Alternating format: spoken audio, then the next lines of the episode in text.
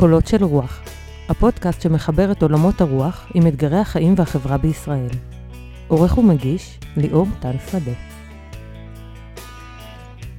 חיים נחמן ביאליק. השם הזה ודאי מוכר לכל מאזינה ולכל מאזין, ואני אסתכן ואגיד כמעט לכל ילדה ולכל ילד היום בישראל, וזו בגלל היותו מה שמכונה המשורר הלאומי שלנו, ושירים כמו נדנד מהילדות ועד הכניסיני תחת כנפך אה, בבגרותנו. אבל מה שאולי אה, רבים מהמאזינות והמאזינים פחות נחשפו אליו זה שביאליק היה הרבה הרבה מעבר למשורר או, המשורר הלאומי. כינה אותו חיים באר בנאי תרבות. ביאליק היה מסאי גדול, ביאליק נתן הרצאות ונאומים נפלאים, ביאליק היה מוציא לאור, ביאליק היה עורך, היה מתרגם, היה סופר. זאת אומרת שהמפעל חיים של ביאליק היה הרבה מעבר לשירה, אה, ואנחנו ננסה להציץ למפעל הזה בזווית אה, מאוד מסוימת, הזווית שבה ביאליק פגש את, אה, אקרא לזה, שהיהדות שלו פגשה את העולם החילוני האירופאי המשכיל, ואני לא מתכוון מבחינה, מה קרה שם מבחינה היסטורית, אלא יותר מה קרה שם מבחינה רעיונית. אז שלום לכם ולכן, קולות של רוח, שמי ליאור טל שדה, אני עורך ומגיש של הפודקאסט, והיום מצטרף אליי מורי ורבי אה, שי זרחי, אה, שי אה, מקיבוץ גניגר, כבר דור שלישי פה בקיבוץ, ויש שני דורות שממשיכים אותו. של בנו ונכדיו. שי הוא מהמקימים של המדרשה באורנים, מלווה אותה לאורך בעצם כל השנים שהיא קיימת, מוביל את קהילת ניגון הלב פה בעמק יזרעאל, והיום הוא אחד מראשי תוכנית מרתקת שנקראת רבנות ישראלית, שהיא שיתוף פעולה של אה, המדרשה באורנים עם מכון הרטמן, והוא אחד, ה, לטעמי, המומחים אה, הגדולים של אה, ביאליק, וגם לברנר שנעסוק בו בפרק הבא, ובשבילי אדם שפתח פתח להתחיל לטבוע בכתבים של שני האנשים האלה. אז שלום, שי זרחי. שלום וברכה. אז אולי נתחיל בממש שתי דקות, כי אנחנו לא פודקאסט היסטורי, אבל בכל זאת, משהו על הביוגרפיה של ביאליק. אה, ביאליק אה, הוא אה, בעצם בגדול אוקראיני. איש שנולד למשפחה מזרח אירופאית קלאסית, דתית, ובעצם הילדות שלו היא ילדות של ילד גאון, סקרן, קורא אובססיבי. הוא מתאר איך שהוא קורא בבית סבו, שהוא גדל בו חלק מהזמן, כל ספר שהיה. אולי נספר שהוא גדל בבית סבו כי אביו נפטר. נכון. וילדותו היא לא דבר פשוט. נכון. את המכתב שבו הוא מתאר את ילדותו ואיך היו קצת מתעללים בו הדודים, הבני דודים. נכון, מרביצים לו הרבה. הוא היה ילד שובב מאוד וידען גדול, אבל באמת, מבחינת הרוח, הוא בגיל נורא צעיר קרא ספרים מורכבים כמעט כל ספר יהדות, כולל קבלה, כל מיני דברים שהוא מתאר שהוא בעצם לא הבין, אבל כנראה השפה, הלשון, שזה היה הכוח האדיר שלו, אה, הילך עליו קסם. זאת אומרת, זה פשוט לקח את ליבו, והוא טבע בתוך הקריאה של ארון הספרים היהודי בעצם. ואז לימים הוא הגיע כנער ל... לישיבת וולוז'ין, שהיא הישיבה שממנה יצאו הרבה מאוד מהיוצרים הגדולים שלנו.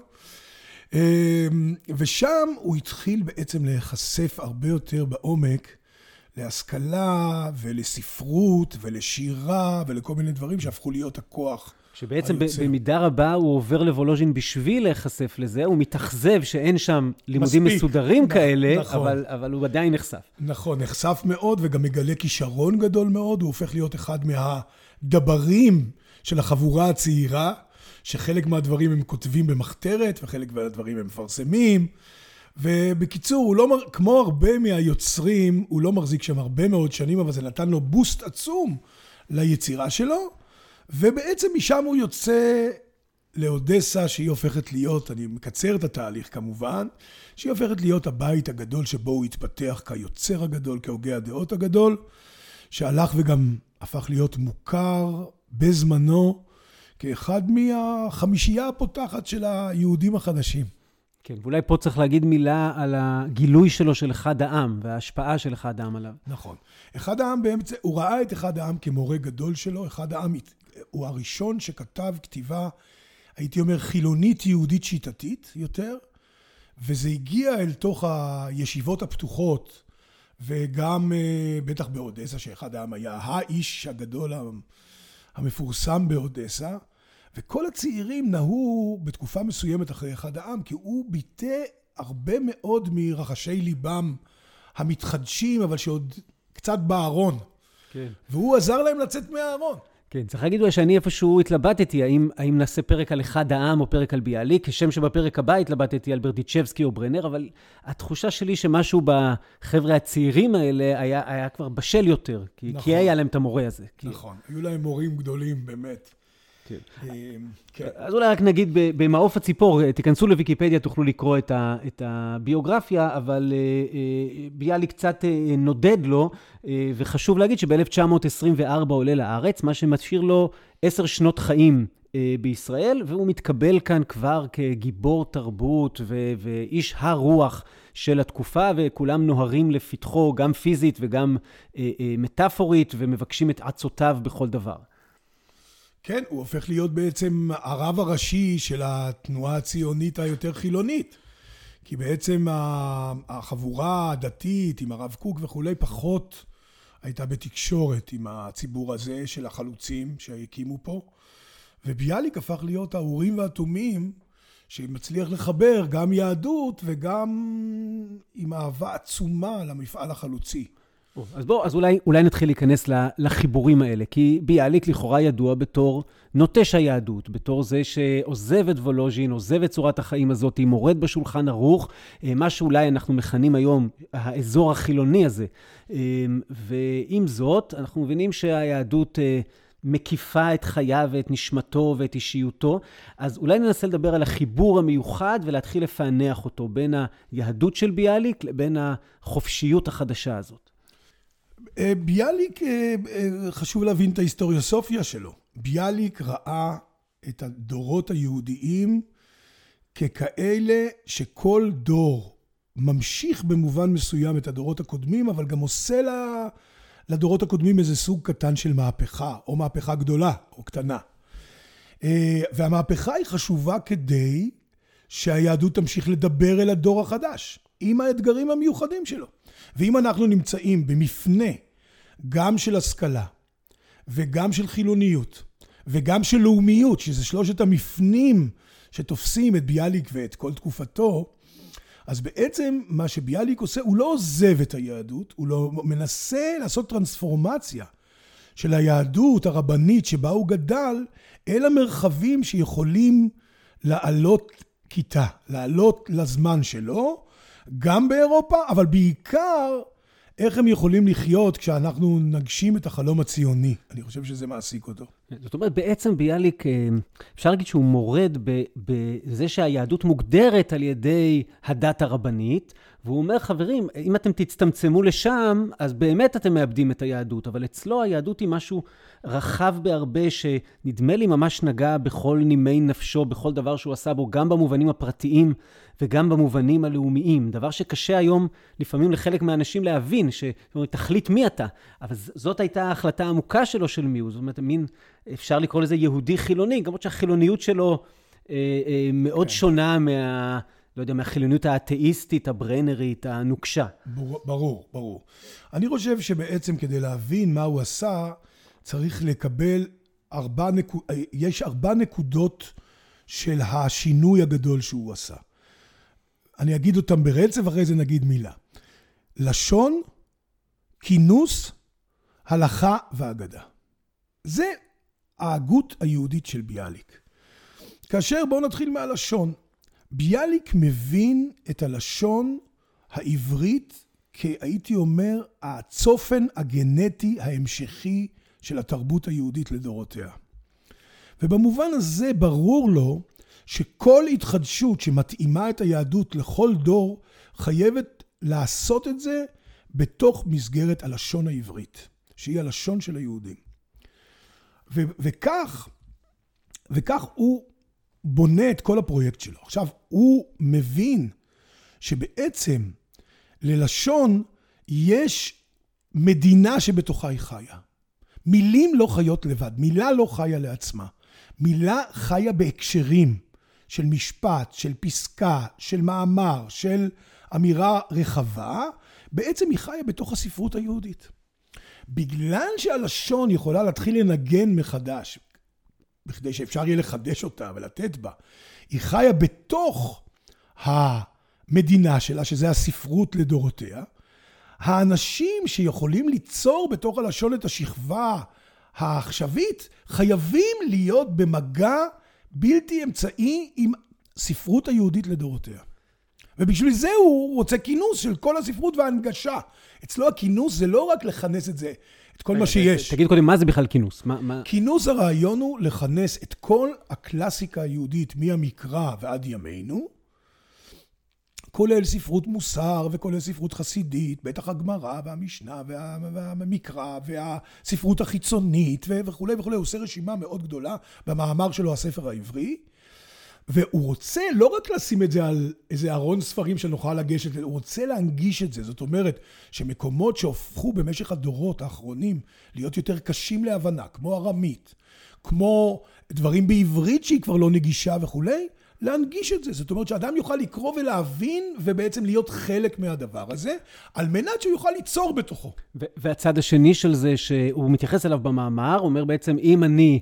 אה, מחליט שא' הוא פנינה וצריך לכנס אותו, וב' הוא פחות פנינה ולכן הוא נשאר בחוץ, אז הוא אומר, אנחנו נייצר ארון ספרים מצומצם בהרבה שילמדו אותו כולם, אבל גם נדע שיצרנו ארון ספרים רחב מאוד מאוד שנשאר מחוץ לקאנון. נכון מאוד. אה, אה, הוא גם, הוא גם אומר שבהיסטוריה לא היה רק כינוסים, כמו המשנה והתלמודים, זה הכל כינוסים בתקופות מסוימות, שגם הפכו תורה שבעל פה לתורה שבכתב, שזה חלק מהרעיון.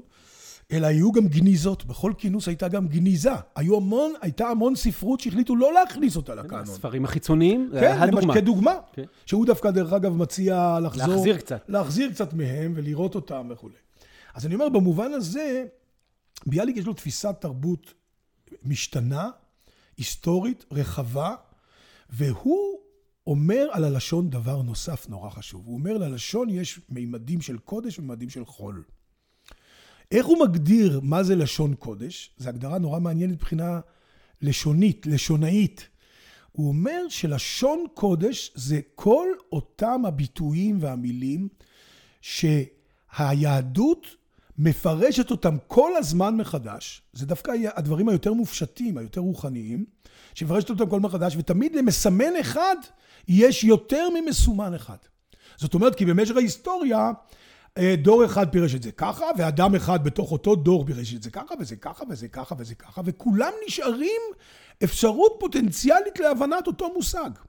עכשיו הוא אומר, המושגים היותר מופשטים הם אלה שהופכים להיות השכבה של לשון הקודש, כי הם, יש להם תמיד יותר מסומנים לאותו המסמן האחד. למילה אחת יש הרבה מאוד משמעויות. עכשיו, התפקיד שלנו, בדור שלנו, זה מצד אחד לשמוע את הפרשנויות השונות של אותם המושגים מהדורות הקודמים, ומצד שני להכניס בתוך אותו המושג את המשמעות הרלוונטית לנו, שבהרבה מובנים היא משמעות חדשה לגמרי שעוד לא הייתה. שבמובן הזה המשמעות היא גם אומרת להתחיל לדבר בחול את לשון הקודש.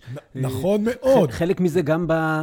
אה, במפעלי התרגום, וכשהוא היה נותן הוראות למתרגמים, אחד הטקסטים היפים שהוא היה מבקש מהם לייהד את הטקסט. נכון אתה מאוד. אתה פתאום קורא בתרגום של אה, טקסט שאין לו שום קשר ליהדות, ורואה ציטוטים של ספר איוב, אתה שואל איך זה הגיע לשם. אתה פותח את המקור, זה לא שם, אלא ביאליק אמר שצריך להכניס. אחת הדוגמאות אה, שזכורות לי מאוד זה על המטרה מקדשת את האמצעים. שהוא אומר, המטרה מקדשת את האמצעים זה תרגום מילולי לביטוי לא יהודי. ויש ביהדות גם המת... עבירה לשמה, וגם מצווה הבאה בעבירה. עבירה לשמה זה דבר חיובי, ומצווה הבאה בעבירה זה דבר שלילי. עכשיו, הוא אומר, אנשים חושבים שאם אני אומר מצווה הבאה בעבירה, אני בית מדרשי בטלן, ואם אני אומר, אה, המטרה מקדשת את האמצעים, אז אני אירופאי משכיל. נכון. והוא מבקש לשבור את הדבר הזה, נכון להגיד, לא, מאוד. הפוך, אתה בטלן אם אתה רק מצטט אחרים. נכון מאוד, נכון מאוד. הוא חשוב לו מאוד שבעצם הוא מבין שכל תרבות חיה בלשון הפרטיקולרית שלה, ואומרת בעזרתה דברים אוניברסליים. זאת התפיסה שלו. זאת אומרת שאנחנו לא מצמצמים אה, אה, לתכנים שהם רק של יהודים, אין דבר כזה מבחינתו. תכנים הם תמיד דבר שכל העולם האנושי עסוק בהם, חירות וזכויות וכל מיני דברים כאלה. אבל לכל תרבות יש את הלשון הפרטיקולרית, שכשהיא מדברת אותה, שם היא יוצרת את החדש שלה וגם שומרת את הישן שלה, וזה היה לו נורא חשוב. היה לו נורא חשוב שאנחנו נהיה תמיד במצב אה, דיאלקטי של שימור הישן עם חידושו. כאשר ה, זה כמו לנגן את הצלילים העכשוויים, כאשר הצלילים, המשמעויות הקודמות שבעבר, הם כמו איזה צלילים עיליים. שיש בה אוברטונים כאלה, ואנחנו כל הזמן נמצאים במצב הזה. עכשיו הוא אומר, אם מתחילים לדבר לועזית את הרעיונות האוניברסליים, אתה מאבד בבת אחת את כל הצלילים העיליים, ואין אקורד, אין הרמוניה בתוך ה... ההוויה הזהותית שלך. כן, אני לא סיפרתי לכם בהתחלה ששי גם הוא אה, מוזיקאי, אז הנה עכשיו זה יוצא לידי ביטוי. אני חושב שביאליק נותן את המטאפורה היפה של אה, לחרוש ולנטוע נטיעות חדשות בקרקע ישנה. נכון מאוד. אומר, וכמו שלא ויתרנו על הקרקע של ארץ ישראל, אסור לנו לוותר על הקרקע הרוחנית. נכון וזה, מאוד. וזה אולי מקרב אותנו לאפשרות להשיב לשאלה. איך הוא בעצם מתייחס לתורה ולתלמוד, למשנה, המשנה בכלל אצלו בדרג עליון, כל הדבר שנקרא כתבי הקודש, ושאצלו לא נשאר אה, בתוך אה, אה, בית הכנסת, אלא יוצא לתוך החיים שלנו היום. אז מה זה תורה, ומה זה משנה, ומה זה תלמוד? ביאליק מבין, לפי מה שאני קורא אותו, את התורה כביטוי של דיבור בעזרת הלשון המשותפת של כולנו, שהתחילה מכתבי הקודש של המקרא, דרך יצירות נוספות שנוצרו במשך הדורות, אה, עם החיים, הטקסטים, הסיפורים, המצוות וכולי, זה הכל, השאלה היא מבחינתו, היא שאלה של חיים. זאת אומרת, איך התורה ממשיכה לחיות. המאבק של התורה להמשיך לחיות, זה להמשיך להיות קשורה בשאלות חיים קונקרטיות עכשוויות. אני, אולי... והסכנה, לא, והסכנה לתורה שתמות, שהוא הרגיש את זה בתוך הישיבה בזמנו, כשהוא היה נער, זה שהיא מפסיקה לדבר עם החיים. ממשיכים ללמוד תלמוד, כמו שהיה רבי עקיבא, כשהוא היה בתוך המשנה, ואחר כך מצטטים אותו בתוך התלמודים, וחכמי התלמוד מפרשים את המשנה וכולי, אז זה היה משהו שהם איתו מתמודדים עם הלכות החיים העכשוויות שלהם. זה היה, כפי שחבר שלי אומר, לדעת את אה, אה, אה, שער הדולר כל יום. הם באמת היו מחוברים לחיים. אבל כשאני מתחיל להיות במחזר, שכל החיים שלי התורניים זה לומד גמרא, אני בעצם רוצה להבין רק מה הם הבינו. אבל זה מבחינת ביאליק לא נכון. הוא אומר עליהם, הם היו אנשים חופשיים, הם באמת רצו ליצור חיים של תקופתם, בעזרת אבנים כבדות, שזה המילים מספרות הקודש שלפניהם. והוא אומר, אנחנו חייבים לעשות את אותו דבר.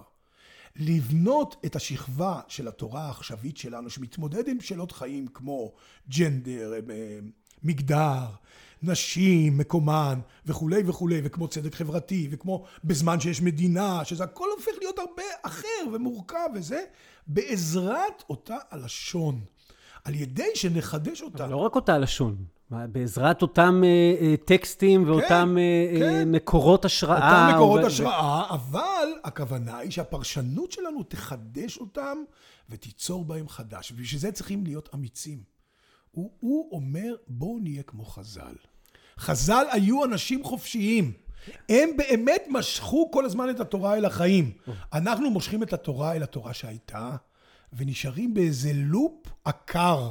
הוא נותן את הדימוי של כדורים שצריכים לראות אותם. כדורי עופרת ריקים. עופרת, אבל ריקים, את, העופר, את, ה, את, ה, את החומר הנפץ הוציאו. ובעצם הם עומדים כאבן שאין לה הופכין. אז זה כבר יכול לקדם אותנו לדבר על אגדה והלכה שאמרת כשני סודות, אבל אולי קודם אני אקריא כמה משפטים של ביאליק על תורה, שהוא אומר אותם בנאום אה, פתיחת האוניברסיטה העברית ב-1925, אה, ואני חושב, הוא תופס שם משהו במושג תורה ששווה לצטט. המושג תורה התרומם בעיני העם אל גובה אין חקר לו. בדמיון העם הייתה התורה כמעט למציאות שנייה, מציאות מופשטת ויותר נעלה, העומדת בצידה או גם במקומה של המציאות הממשית. התורה נקבעה במרכז שאיפותיה ומאווייה הכמוסים והגלויים של האומה בגלותה. הממרה ישראל ואורייתא חד לא הייתה ממרה בלבד. בין עם זר ואני אגיד בסוגריים אולי גם בן עמנו כיום, בן עם זר כמעט לא יבין ולא ישיג את זאת. לפי שגם המושג תורה במלוא תוכנו ומשמעו הלאומי לא ניתן להתרגם כל צורכו. התורה במשמעה זה אינה לא דת ולא אמונה בלבד, לא מוסר ולא מצוות ולא חוכמה בלבד, ואפילו לא צירוף כולם יחד בלבד. אלא מושג נעלה ומרומם עד אין שיעור על כל אלה, מושג מסתורי ששואב את כוחו כמעט מתהומה וממרומיה של ההשגה הקוסמית. וקצת אחרי זה הוא כותב, בהכרתה של האומה תפס בינתיים המושג תרבות במשמעו המקיף והאנושי את מקומו של המושג התיאולוגי תורה. זאת אומרת, אולי עכשיו אפשר להבין את הצירוף מילים שהפך להיות אין היום של יהדות כתרבות, כן? כן, אני חושב שהשימוש של ביאליק במושג התרבות, הוא בעצם מנסה להחזיר את התורה למלוא היקפה כפי שהוא מבין אותה. שבעצם התורה היא לא, היא נורא הצטמצמה בדורות האחרונים לדלת אמות של הלכה בלבד. זה נורא הטריד אותו. כי בעצם יש עולם הלכה, שהוא עולם נורא מרכזי בעולם הדתי, אבל יש לתורה ידיים ורגליים בכל הציוויליזציה, באהבה, בשירה, בדברים שבכלל לא יכולים להתרגם להלכה. יש המון עניינים בחיים שהם לא מצוות הלכה, הם לא יכולים להיות פסוקים להלכה, אלא יש, התורה היא הרבה יותר רחבה, וכשהוא משתמש במושג תרבות הוא רוצה למשוך את התורה מצרות דלת האמות של ההלכה, חזרה אל הציוויליזציה הכוללת של החיים.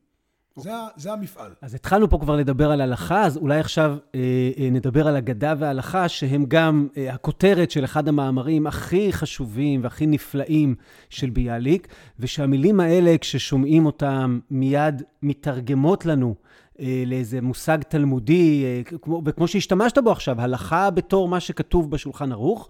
אה, אבל בעצם ביאליק, שמדבר על אגדה והלכה, מדבר על שני עקרונות יסוד בבנייה של תרבות ושל חברה. אז בואו ננסה לבאר קצת את העקרונות יסוד. כן, ביאליק רואה בהלכה ואגדה שני מצבי צבירה של אותו החומר. נניח כמו מים, אז אחד מהם זה קרח ואחד מהם זה מים, כן? שזה בעצם אותו הדבר, רק בשני מצבי צבירה שונים.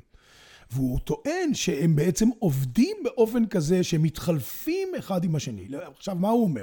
אגדה זה העולם הרעיוני, המוסרי, הרוחני, שעומד בבסיסם של, גם של מצוות וגם של הלכות חיים, אבל גם בכלל בבסיס החיים. שהוא רך בהרבה, הוא נוזלי יותר. הוא נוזלי, הוא קשה בו... מאוד לתבנת אותו, אבל, אבל יש לו המון כוח על הנפש של האדם, על הנשמה של האדם. והוא האידאה, הוא מצבור הרעיונות והאידאות שעל בסיסם אדם מזהה את עצמו בזהותו וגם מעצב את עולמו, את, את אורחות חייו ואת עולמו ואת יחסיו וכולי. הלכה זה התרגום של האידאות האלה למעשים.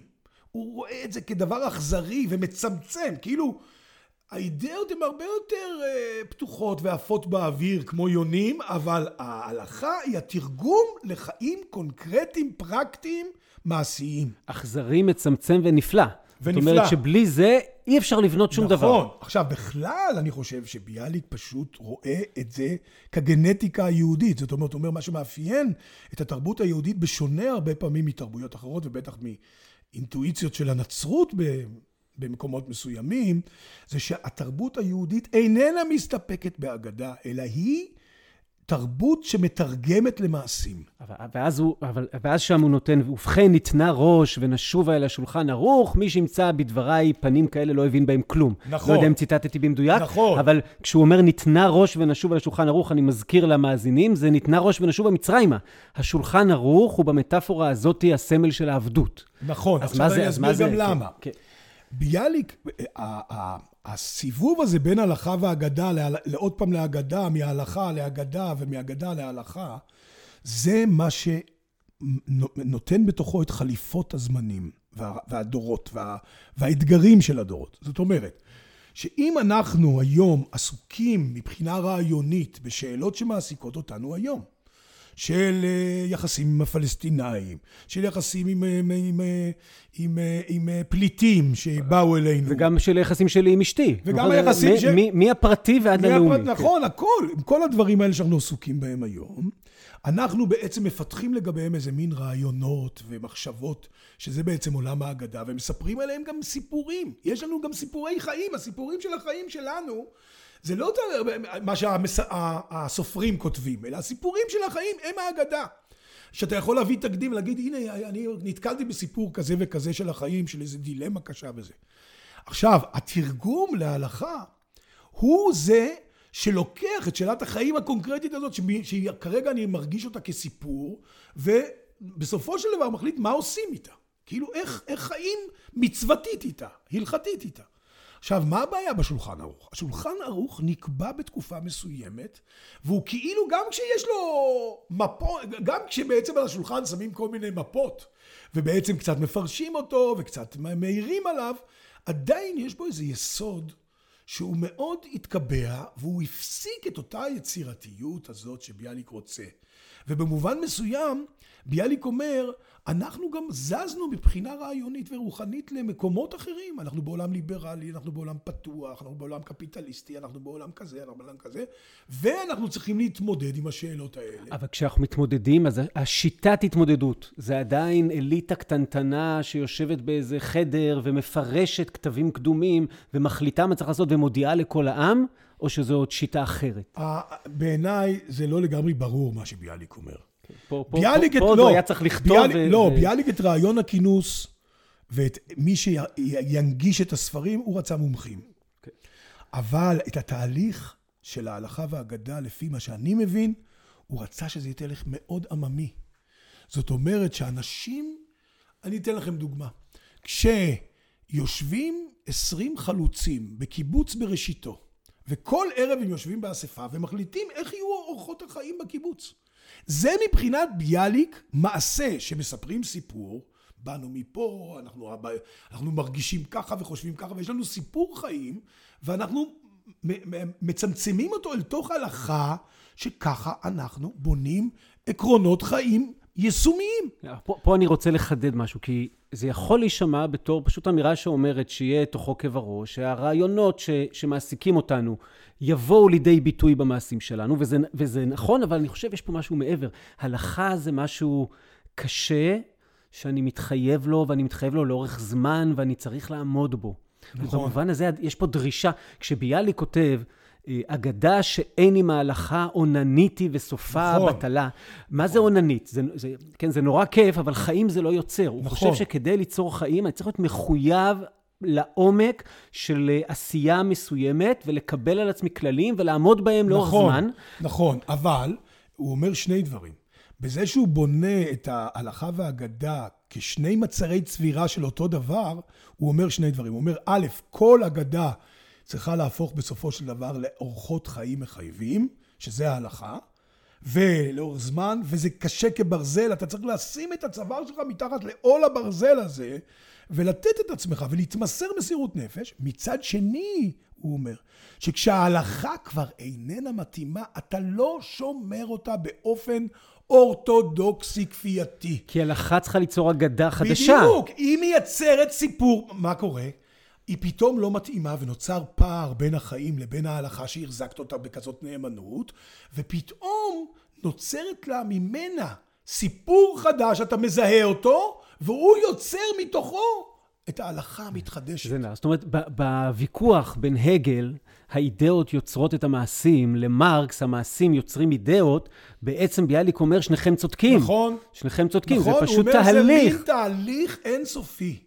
של הלכה, שהופ... אגדה שהופכת להלכה, שהופכת, כשהיא מתרחקת מהחיים, היא הופכת חזרה לאגדה, והיא עוד פעם יוצרת את ההלכה, וככה זה מתקדם גם. זאת אומרת, מצד אחד, המעשה שהופך הלכה לאגדה, הוא... אגדה להלכה, הוא מאוד מאוד מאוד חריף, ומחייב, וברזלי, אבל מצד שני, אתה לא שומר אותו גם כשזה לא מתאים.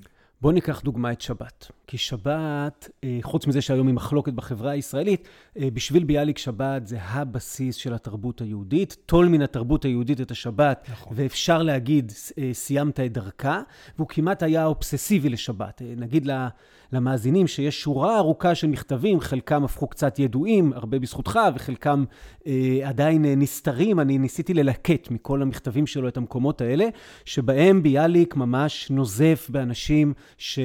מחללים את השבת אה, במרחב הציבורי, ומבחינתו, שוב, מחללים את השבת, זאת לא השאלה אם הצטתי סיגריה, למרות שלכאורה איסור דאורייתא, כן? אלא זאת השאלה של האם יום השבת הופך ליום עבודה. הוא כותב לחלוצים, הטרם יבינו אלה המחללים את השבת בזדון וביד רמה, עד כמה יש במעשיהם מן הפראות ומן הנבלה. ארץ ישראל בלי שבת לא תיבנה כי אם תחרב, ועוד שלל ציטוטים כאלה. סיפור מקסים זה שהיה איזה יהודי שפתח בירושלים צלמנייה, חנות צילום, שהוא החליט לפתוח אותה בשבת, כי, כי למה, למה לסגור אותה ובשבת אנשים יכולים לצאת לעשות קניות ויכולים לבוא להצטלם. והחרדים שם עשו, היישוב הישן, עשו מולו הפגנות, וזה רק חיזק אותו שתישאר החנות פתוחה. ובחנות היה לו ב... נדמה לי שזה היה בוויטרינה. בוויטרינה, כן. היה לו תמונה של ביאליק. ואז ביאליק כותב לו מכתב ואומר לו, אה, שמעתי על המעשה הנורא שעשית בחללך את היום הקדוש לעיני כל, ואם לא תסיר את התמונה הזאת, אה, אה, תשמע מעורך הדין שלי, או משהו בסגנון הזה. אחד המכתבים היחידים של ביאליק שאני קראתי, שלא מסתיימים לא בכבוד רב ולא באיזשהו כינוי מהסוג הזה. תראה, זה דבר, זה דוגמה נהדרת. ביאליק באמת העריך שהשבת היא, היא, היא, היא לבנה כל כך חשובה. בכלל, אפשר פה להגיד בסוגריים, שביאליק התפיסה ההלכתית שלו, היא הייתה תפיסה הלכתית שלא הולכת, שבעצם היום בעולם המודרני צריכים לשים את הדגש על דומיננטיות תרבותיות. ומבחינתו, אחת הדומיננטות הכי חשובה זה השבת. והיא חשובה בגלל שיש בה גם את הקודש, היא מקום הקודש, שהיא קשורה באיסור מלאכה, בהפסקת המלאכה, ובבניית מערכות חיים לא אינסטרומנטליות בעצם, שזה דבר גדול, ומצד שני יש בה יסודות סוציאליים מאוד עמוקים. שהיא הזמן של השוויון שאין בה עבדות. שהאנשים המנוצלים יושבים יחד איתי, יחד עם האדון מול השולחן, ובעצם האדם חוזר לגובהו הנכון, כן. כצלם אלוהים. כותב להם, הפועלים היו אמורים להיות הראשונים להילחם את מלחמת הדבר הזה, הם היו צריכים להילחם, נכון, במיוחד הסוציאליסטים האלה. כן. בקיבוצים הם היו צריכים להילחם על זה, והוא לא מבין למה הם עובדים בשבת וכולי. כן. ואולי נספר על עונג שבת שהוא הקים. כן, רגע, אבל אני רוצה להגיד על זה, שבעצם... ביאליק לא דמיין לו שבת עם ל"ט אבות מלאכה, שהם רק אבות המלאכה, שיש להם גם בנים ובני בנים. כל הפעילות שכבר חז"ל בעצמם שעשו אותה, ראו בה הררים התלויים בסערה. מבחינת ביאליק הוא רוצה לשחרר אותנו ולהגיד, חבר'ה, שבת זה לא התילי תילים של ההלכות האלה, שאם אתה תחטט באף, אתה תתלוש לו בכוונה שערה, עברת על הלכות שבת. הוא אומר זה קטנוניות שאי אפשר לעמוד בה. אנחנו בעולם שלנו צריכים לשמור את העיקרון השבתי של לא מלאכה ואיזה רוחב שמאפשר איזה גובה רוחני ושוויוניות ערך של האדם לחזור אחרי שבוע שיש בו גם ניצול ויש בו גם זה, לחזור לשוויוניות ערך של האדם, זה מה שהיה לו חשוב. זאת אומרת, הוא רצה את השבתיות מתוך השבת ולא את הקטנוניות של השבת. שיש בהלכה של השבת. ובמובן הזה, ככה הוא גם עובד. זה מבחינתו התחדשות של ההלכה. הוא רוצה לחזור ל, ל, ל, ל, למהויות הקשות והכבדות שיש בתוך אבני התרבות האלה, ולא ללכת שבי אחרי קטנוניות הפסיקים וכל ה... כל פרטי ההלכה, שהם באמת כבר לא רלוונטיים לציבור. אני אגיד שכשמוציאים מתוך השבת את הבית כנסת, כשאני לא הולך לתפילת שבת, אמ, אז, אז, אז יש איזה מוטיב אה, אה, חזק שחסר בשבת, שזה בעצם הקהילתיות והיכולת לבטא את הדבר הזה ביחד, ובין היתר בגלל זה הוא, הוא הקים את עונג שבת. עונג שבת היה בשבילו רצון, דרך אגב, גם לגשר על כל המגזרים הישראלים, מחרדים ועד חילוניים, שיבואו בשבת לאיזה זמן, וגם ילמדו קצת, וזה ירומם את נפשם, גם ישירו ניגונים, גם אה, ייפגשו אנשים מזרמים שונים, והוא תמיד היה גם אומר כמה אמירות על הדברים שנלמדו שם, שהיה נותן את תפיסותיו, ובעצם היה מרומם ונותן לשבת את הטעם ואת הריח המיוחד החדש שלה בארץ ישראל. כן, שמעתי בחיוך שאנשים שהיו מדברים שם, אחרי זה ביאליק היה עולה ונותן את האמירות שלו, הם תמיד היו מרגישים שהם עכשיו כל כך קטנים, ולמה הם בכלל דיברו, כי עכשיו ביאליק זה. והסיפור של ניגון ביאליק, הוא קורה שם, בעונג שבת. כן, שמה, כן. תן לנו, אולי, אולי תשאיר לנו קצת. אה, אני לא... או שאני מתקיל אותך לא, פה. אני פתאום לא זוכר, צריך, להתכונן לזה. אה, היה ניגון שביאליק תמיד היה מגיע טיפה באיחור. אנשים כבר היו יושבים, הוא היה נכנס, והקהל היה מקבל אותו בניגון שנחשב לימים ניגון ביאליק. נהדר. שאנחנו לא יודעים מי המציא אותו, את הניגון הזה. לא, אני חושב שזה זה ניגון עממי חס- כזה, זה כן. ניגון חסידי, אני חושב. שהוא פשוט ידעו שהוא אוהב אותו במיוחד, והיו תמיד אה, פותחים בזה.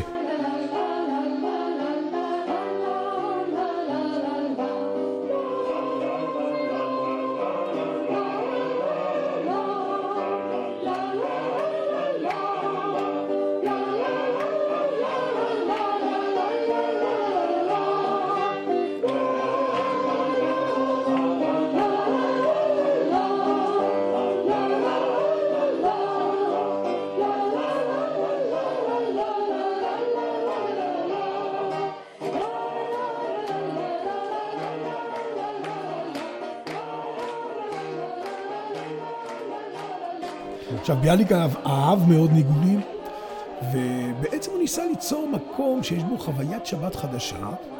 אה, אני חושב שביאליק לא שכלל בעונג שבת את כל, הת... את כל מה שהוא רצה באמת לעשות.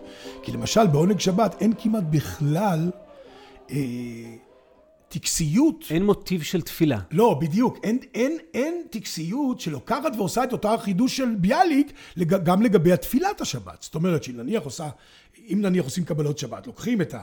מה זה קבלת שבת של המקובלים אה, בצפת, ששם זה נוסד, עם המזמורי תהילים ועם לך דודי, ועושים על זה איזשהו דבר שמוסיף לזה משהו, מוריד מזה משהו, אומר על זה משהו. הוא לא גמר את העבודה, זה- הוא זה רק התחיל או- את העבודה. או שהוא היה במחלוקת איתך לגבי להיות. האופן שבו צריך לעשות את לא, אבל אני הדבר ככה הזה. מבין את הביאליקאיות. כן. זאת אומרת שביאליקאיות היא בעצם לא מוציאה את הטקסטים המקובלים במסורת, גם במסורת התפילתית הריטואלית, אלא היא עובדת איתם ולשה אותם. כן. אבל השאלה אם היא מוציאה את מושג התפילה. זאת אומרת, על, על התפילה, משום מה, ביאליק אה, לא יצר חידוש של התפילה. נכון. נכון? ו- וזאת שאלה עמוקה שלא נדע לעולם. נכון. האם ביאליק אמר, זה השלב הבא ולא הספיק, או שמבחינתו דווקא חלק מההתחדשות היהודית זה שתפילה כבר לא עומדת במרכזה, או אולי אפילו לא חלק ממנה. אני יודע שאתה אה, חזק בתוך אה, אה, כינונן של קהילות מתפללות, שלא באו דווקא מתוך עולם דתי או מתוך עולם אורתודוקסי, אבל ביאליק לא עשה את זה. אין ספק שממה שרואים גם באורח החיים של ביאליק, אז בעצם זה לא היה פרויקט שלו, הוא גם מעט כותב על תפילה. אה, יחד עם זה, מתוך התפיסה התרבותית שהוא מנסח אותה בכללות יותר, אתה יכול להבין שגם התפילה כפנומן, כאחת מתופעות העומק והאבנים הכבדות מאוד של החיים היהודיים, אני מניח שאם היה מאריך ימים כמו שאנחנו רצינו, כן. ולא מת בגיל 61, אלא בגיל 91, אז היינו גם אה, אה, אה, נהנים גם מאיזה חידוש בתחום הזה. ככה אני רוצ- נוטה להאמין. כן, נזכיר שזה לא בדיוק זה, אבל אולי שווה להזכיר את המכתב שהוא קיבל פה מעמק יזרעאל לפני פסח. מהקיבוץ שלי. מהקיבוץ שלך. עכשיו מקליטים. יפה. אז ש, ש, שבו הוא התבקש לכתוב טקס חדש לפסח, בעצם רצו, תן לנו סוג של אגדה של פסח חדשה, או משהו כזה, אה, ואת הסירוב שלו עם, ה, עם המילים המאוד חזקות שם, אה, אה, שבהם... חוגו את חגי כן, אבותיכם, והוסיפו עליהם... והוסיף עליהם לפי מסיבתכם ולפי, כן, לפי האורח החיים שלכם. והעיקר... העיקר שאל תתחכמו הרבה. או, שזה, אני שואל את עצמי כל הזמן, זה הפך להיות מפורסם, אל תתחכמו הרבה, מה, על מה הוא מתכוון? הוא מתכוון להגיד שכשאתם הולכים לעיצוב מחודש של חגים, של ריטואלים וכולי, תיזהרו מההתחכמות. זאת אומרת שכל רעיון שיש לכם כרגע בראש, בדיוק צריך לתת לו איזה ביטוי, ואז אתם בעצם, הכל כבר חדש. תנסו למצוא את החדש בתוך המילים העתיקות. כן. אני חושב, הוא מאוד חשש מזה שבסוף יחליפו גם את הקרקע בדימוי של נכון. קודם. הוא מאוד חשש שניצור תרבות עברית חדשה לגמרי, נכון. שאומנם מדברת עברית, אבל לא שאובה נכון. במהלך הדור. נכון מאוד. כן. אולי אני אנסה לסכם דרך איזו נקודת מבט אחרת, והיא היחס של ביאליק למגוון של דיכוטומיות ידועות. אה, אנחנו רגילים להפריד כל מיני מונחים, דיברנו על אגדה והלכה. יש אה, יהדות ויש אה, אנושיות, או הומניזם, או גלובליזציה היום. יש תרבות חומרית ויש תרבות אה, רוחנית. יש דתיות ויש חילוניות. וביאליק אולי חלק מרכזי במפעל חייו ובתפיסת עולמו הייתה שהדיכוטומיות האלה כמושגים שמוציאים זה את זה לא משרתות את החיים. הן מכניסות אותנו לאיזה סוג של קופסה, וצריך לדעת איך לשלב אותם. הוא נתן דוגמה יפה באחד ממאמריו, שהוא אומר שפה בגלות, כשאנחנו בחוץ לארץ, אם אתה אוכל קיגל בשבת, אז אתה עושה מעשה יהודי. אם אתה מברך על מה שאכלת, אתה עושה מעשה יהודי, אבל כשאתה סתם עושה מעשה, אז זה לא מעשה יהודי, זה מעשה כלל אנושי. והוא מנסה להגיד, אין, זה מעורב ביחד. זה כאילו, אני עושה מעשה, אני גם יהודי ואני גם כלל אנושי, וצריך להפסיק לחשוב בחשיבה הדיכוטומית. אני חושב שהחשיבות של ביאליק היא להרבה דברים שקשורים לימינו, אבל אחד הדברים הגדולים שביאליק במובן הזה, של המאבק שלו נגד השניות, יש לו מאמר שנקרא על השניות בישראל, שהוא בדיוק מדבר באופן עקרוני על הבעיה הזאת של הדיכוטומיות, הוא בעצם אומר לנו שכל השיטה לדבר על דיכוטומיות, במיוחד דתי חילוני, יהודי אוניברסלי או אנושי וכולי, זה דברים שמצמצמים גם את היהודי וגם את האנושי. בעצם הם יוצרים, ובעצם האדם הוא לא כזה, האדם הוא הרבה יותר מפולש בעולם. הוא גם אה, אנושי וגם יהודי, זאת אומרת, הוא לא רק יכול להיות רק יהודי, שכל זה, ואין לו אפילו גרם אחד שמשותף עם כל האנושיות. עכשיו, הוא אומר שזה בעצם בעיה של הפילוסופיה. חלק מבעיית הפילוסופיה זה בעיית ההגדרות המאוד קשיחות. וזה הולך נגד האמת של החיים ונגד האמת של התרבות. במובן הזה אני חושב שהוא נביא של התופעה העכשווית שנקראת יהדות על הרצף. יהדות שעל הרצף, שהיום יהודים יכולים להגיד, אני גם דתי וגם חילוני וגם רפורמי וגם קונצר... אני, אני לא יודע בדיוק באיזה הרכבה, אבל אני מורכב הרבה יותר מאשר שתגיד לי, אתה רק דתי או אתה רק חילוני, אתה מקצץ אותי. אתה, כאילו, אתה לא נותן לי להיות כולי בתוך זה. שזה, שזה הרבה פעמים מאפיין, ב, אני חושב, בצורות מחשבה של הוגים, את, את הוגי השלום על, על פני הוגי האמת. נכון. כשאחד מהוגי האמת החשובים ביותר, בן דורו של ביאליק, שלצערנו, למרות שהיה צעיר ממנו, אה, הלך לעולמו קודם כי הוא נרצח, היה יוסף חיים ברנר. נכון. אז אה, אנחנו ניפגש גם בפרק הבא לשיחה על יוסף חיים ברנר, ואני רוצה להגיד לך הרבה תודה, שי. תודה לך, שמחה. ותודה גם לוותיקי הגבעטרון שהכנסתי ככה ברקע כדי לשמוע את ניגון ביאליק. אז אלה בעצם ניסיון על רגל אחת לגעת בעיקרי המשנה היהודית של ביאליק. מי שרוצה לקבל את זה על הרבה פחות מרגל אחת, לראות תמצות קצרצר של הדברים, יכול להסתכל בחלק בוויקיפדיה, בביאליק, משנתו היהודית, שזכיתי לכתוב לפני זמן מה. ומי שרוצה להפך להעריך ומחפש מאמרים על טקסטים של וכן הלאה, בהחלט מוזמן ומוזמנת לפנות אליי, ואני אשתדל לסייע.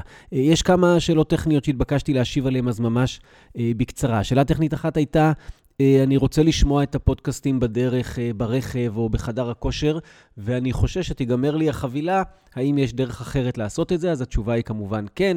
כשאתם נמצאים בבית עם הווי-פיי, פשוט יש כפתור שם, הורדת הפרק. תורידו את הפרק לטלפון, ואז אחרי זה אתם יכולים לשמוע אותו מתי שבא לכם. אפשר גם להוריד את הפרק דרך... כל מיני אפליקציות שבהן מופיע הפודקאסט, ולא רק דרך SoundCloud, שזה בעצם אתר הבית שלנו, וזו התשובה לשאלה השנייה, שאלו אותי באיזה אפליקציות אפשר למצוא את הפודקאסט ומה יעשו אנשי אפל למיניהם, אה, כל האייפד ואייפון, אז התשובה היא שהפודקאסט נמצא ב iTunes, כל מה שצריך זה לכתוב בחיפוש ב iTunes קולות של רוח והוא אה, אמור לעלות לכם, והוא גם נמצא בכל מיני אפליקציות כמו אה, Podcast Addict וכמו Castbox, הוא גם נמצא באתר קולות, ככה שיש הרבה דרכים למצוא אותו, תוכלו למצוא אותו גם בפייסבוק, תחת ההשטג קולות של רוח במילה אחת, כל הפרקים. מקובצים שם. ובנוסף, גם uh, לחובבי היוטיוב, אז כל הפרקים נמצאים ביוטיוב, רק תכתבו uh, קולות של רוח uh, שם. קיבלתי הצעה מאיש נפלא, uh, שהוא גם uh, מחנך ואיש רוח, הוא אמר, בואו תעלו גם איפשהו את הטקסטים שמתייחסים אליהם uh, במהלך הפודקאסט, או לפחות את הקטעים שמקריאים אותם, אה, כדי שמי שרוצה לשמוע וללמוד את הטקסטים במקביל יוכל לעשות את זה. אז אני מאמץ בשתי ידיים את ההצעה, ואנחנו מעלים לאתר קולות את אה, כל הטקסטים. אפשר למצוא את זה או ישירות שם, או אה, אני אשים בכל פרק במלל החופשי קישור שיוביל לאיפה שהטקסטים נמצאים. אז תודה, יניב, על ההצעה היפה והטובה. אז עד כאן הפרק הזה, ואתן ואתם מאוד מוזמנים אה, ליצור קשר. מי שרוצה להצטרף לרשימת התפוצה של הפודקאסט אה, בוואטסאפ, שישלח לי את מספר הטלפון שלו. אה, מי שרוצה בפייסבוק, שייתן לי בפייסבוק. אפשר למצוא אותי בליאור שטרודל קולות נקודה אינפו, I-N-F-O, או בפייסבוק ליאור טל באנגלית. ואני אשמח לצרף אתכם לרשימה, וכמובן שמי שרוצה ורוצה לשלוח הלאה, להעביר לאנשים, לעזור לפודקאסט להתפתח ולהגיע לציבורים נוספים, לא נגיד אה, לא על הדבר הזה. אה, תודה שהייתם איתנו בפרק הבא. שוב שיחה עם שי זרחי אה, הנפלא, והפעם על יוסף חיים ברנר, האקזיסטנציאליסט היהודי החילוני. להתראות לבינתיים.